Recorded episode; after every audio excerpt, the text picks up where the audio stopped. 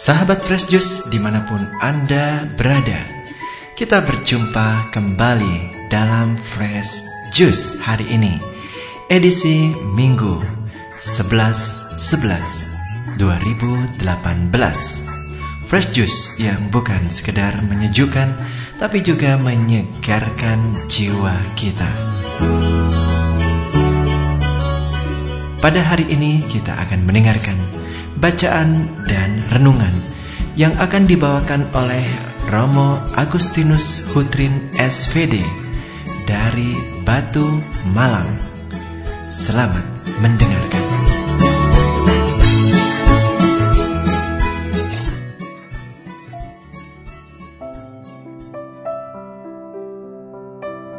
Shalom Bapak Ibu, Saudara dan Saudari yang terkasih di dalam Tuhan.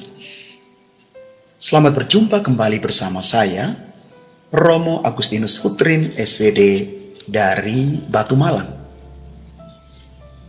Sebelum kita merenungkan sabda Tuhan hari ini, mari kita membacakan teks kitab suci yang diambil dari Injil Markus bab 12 ayat 38 sampai dengan 44.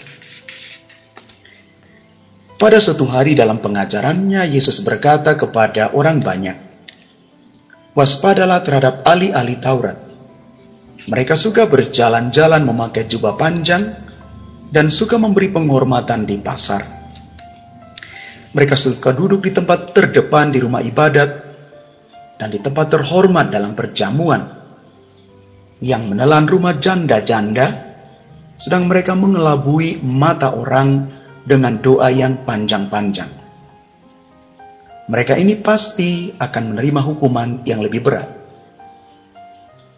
Pada suatu kali Yesus duduk menghadapi peti persembahan dan memperhatikan bagaimana orang banyak memasukkan uang ke dalam peti itu. Banyak orang kaya memberi jumlah yang besar Lalu datanglah seorang janda yang miskin dan ia memasukkan dua peser, yaitu satu duit. Maka dipanggilnya murid-muridnya dan berkata kepada mereka, Aku berkata kepadamu, sesungguhnya janda miskin ini memberi lebih banyak daripada semua orang yang memasukkan uang ke dalam peti persembahan. Sebab mereka semua memberi dari kelimpahannya. Tetapi janda ini memberi dari kekurangannya semua yang ada padanya, yaitu seluruh nafkahnya. Demikianlah Injil Tuhan.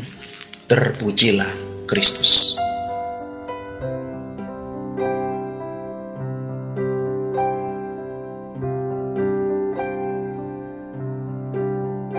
Bapak, Ibu, Saudara, dan Saudari yang terkasih dalam Tuhan. Injil menyatakan bahwa janda miskin itu memasukkan dua peser ke dalam peti persembahan. Peser adalah mata uang tembaga Yahudi yang paling kecil nilainya. Sama dengan setengah duit. Ditinjau dari sisi nilai uang, persembahan janda miskin tersebut memang sangat kecil. Namun jika ditinjau dari sisi kemampuan pemberian janda miskin itu, sangat besar sekali. Karena janda ini memberi dari kekurangannya, bahkan semua yang ada padanya, yaitu seluruh nafkahnya. Anehnya, Tuhan Yesus tidak tertarik pada pemberian orang-orang kaya yang besar jumlahnya, melainkan justru pada persembahan janda miskin yang hanya dua peser itu. Yesus malah memanggil murid-muridnya untuk memperhatikan pemberian janda miskin tersebut. Ia berkata kepada murid-muridnya bahwa janda miskin ini memberi lebih banyak daripada semua orang yang memasukkan uang ke dalam peti persembahan. Alasannya, karena mereka semua memberikan persembahan dari kelimpahannya. Tetapi janda itu memberi dari kekurangannya bahkan semua yang ada padanya, yaitu seluruh nafkahnya. Pertanyaan kita adalah, kalau si janda itu memberikan semua hartanya sebagai persembahan, lalu bagaimana kehidupan selanjutnya? yang pasti tidak ada lagi sandaran nafkahnya. Dalam pandangan ekonomi, ini sesuatu yang gila, yang tidak mungkin. Tetapi bila ditempatkan dalam perspektif lebih rohani, maka Allah sajalah sandaran hidup si janda itu. Tuhan bukan melihat hal yang lahiriah saja, tetapi ia melihat hati. Kendati pun janda itu memberikan uang yang sedikit, tetapi ia memberikan dengan cinta yang besar. Janda miskin itu hidup dalam kekurangan, tetapi dia mau berkurban untuk Tuhan dengan ucapan syukur. Ia memberikan seluruh nafkahnya dengan penuh sukacita. Tuhan bukan melihat betapa banyak uang yang diberikan sebagai persembahan, tetapi seberapa banyak yang tertinggal di hati kita. Orang-orang lain memberikan dengan mudah dari apa yang dapat mereka sisihkan, sementara mereka masih memiliki banyak uang yang tersisa. Karena masih punya banyak, hati mereka lebih melekat dan bersandar kepada harta milik mereka. Janda miskin itu memberikan semuanya, dan selanjutnya ia hidup bersandar sepenuhnya kepada Allah. Tuhan bukan menginginkan uang kita, harta kita. Ia menginginkan hati kita, seluruh keberadaan kita. Tuhan tidak pernah berkekurangan. Sebab langit dan bumi serta segala isinya adalah kepunyaannya. Diri kita pun adalah miliknya.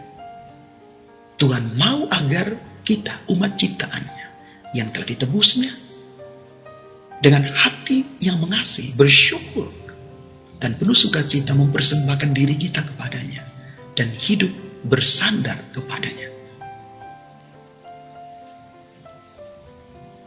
Penginjil Markus hari ini mengajak kita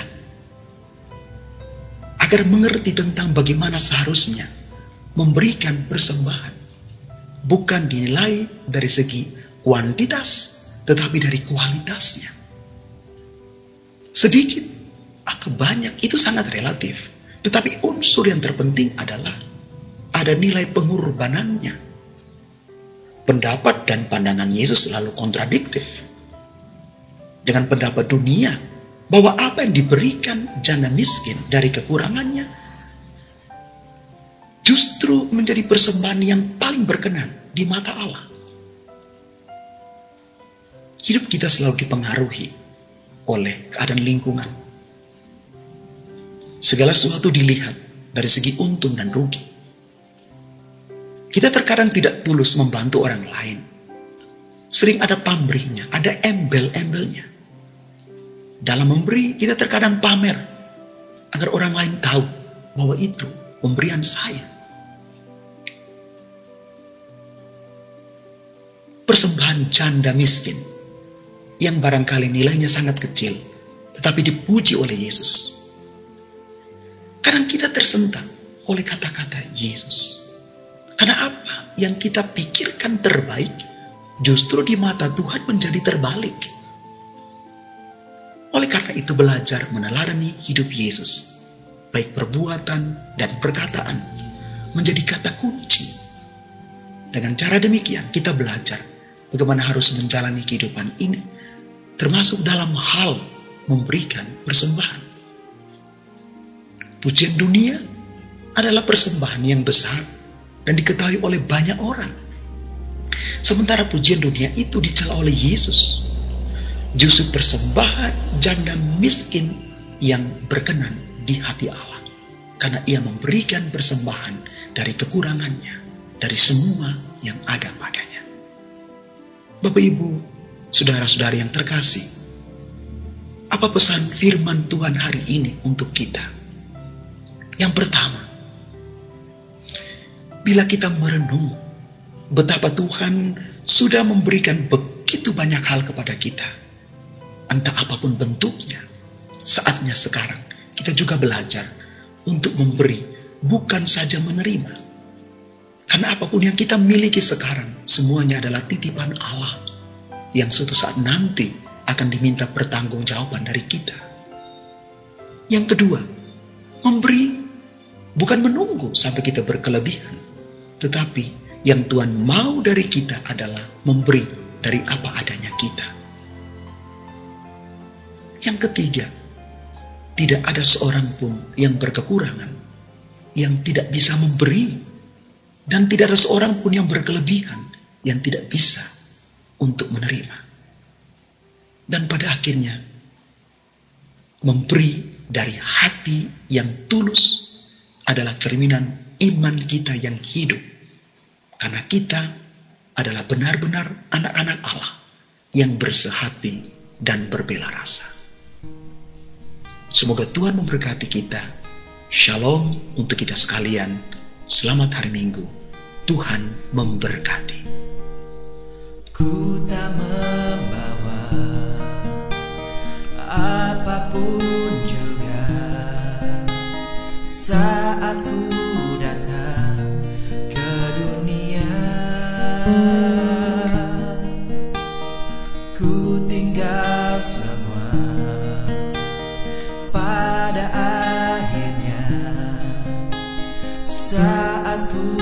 kembali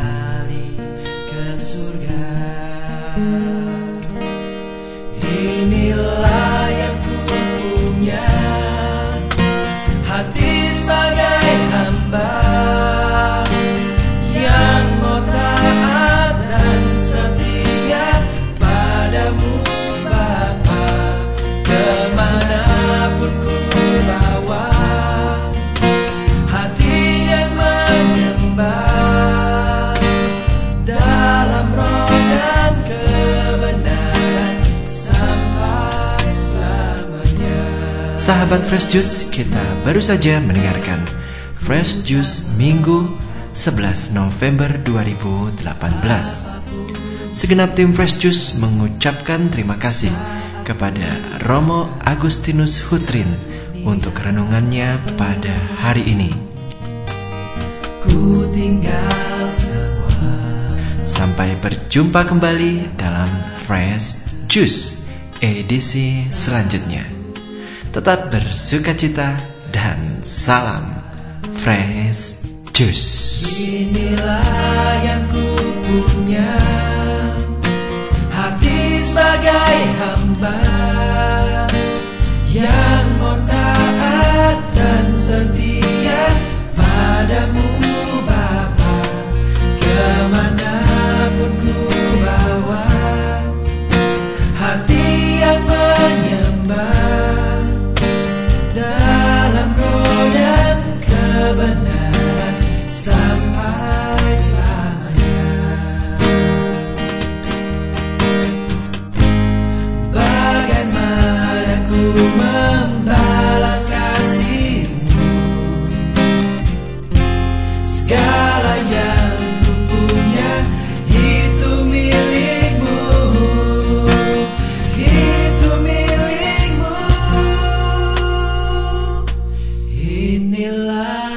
yang ku punya. Hati sebagai hamba.